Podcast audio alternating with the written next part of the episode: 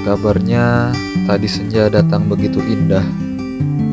Sayang, aku tak melihatnya karena mataku yang terbuka. Ia tak lagi terlihat di telanjang pandangku.